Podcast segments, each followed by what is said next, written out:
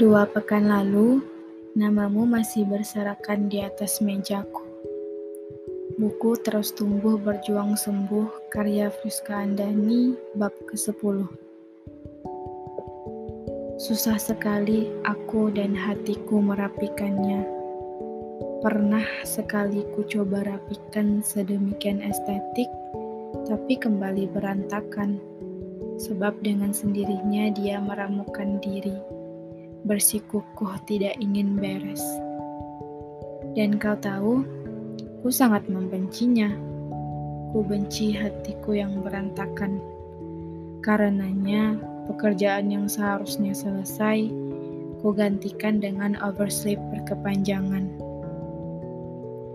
Padahal, seharusnya kau mengajakku saling memantaskan diri, saling memperbaiki diri bukan malah menyuruhku mencari selainmu yang lebih baik dalam keadaan hati yang hanya melihat kepadamu.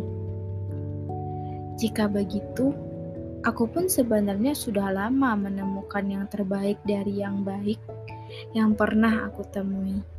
Tapi kau tahu apa? Hatiku justru hanya terpaut padamu saja. Sampai di sini jelas dalam hal ini, aku tak mau jadi mahir dalam melupakan.